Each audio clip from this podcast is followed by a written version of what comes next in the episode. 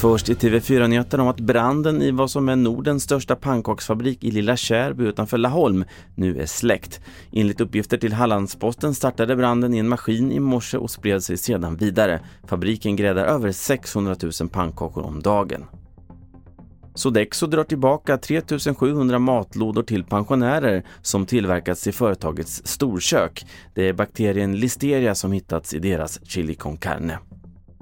Sist om att ryska soldater får gå in på nätet och köpa sina egna skyddsvästar innan de skickas till fronten i Ukraina. Det uppger det brittiska försvarsdepartementet i en daglig underrättelseuppdatering. Journalisten och Rysslandskännaren Malcolm Dixelius är inte förvånad. De styrks ju också av vad man läser i ryska medier om att eh, det är stor förvirring i hela den här inkallelseproceduren. Och som sagt, när folk väl blir inkallade så får de själva eller deras anhöriga se till att komplettera den utrustning som Försvarsmakten inte har. Och ryska medier blir mer och mer frispråkiga.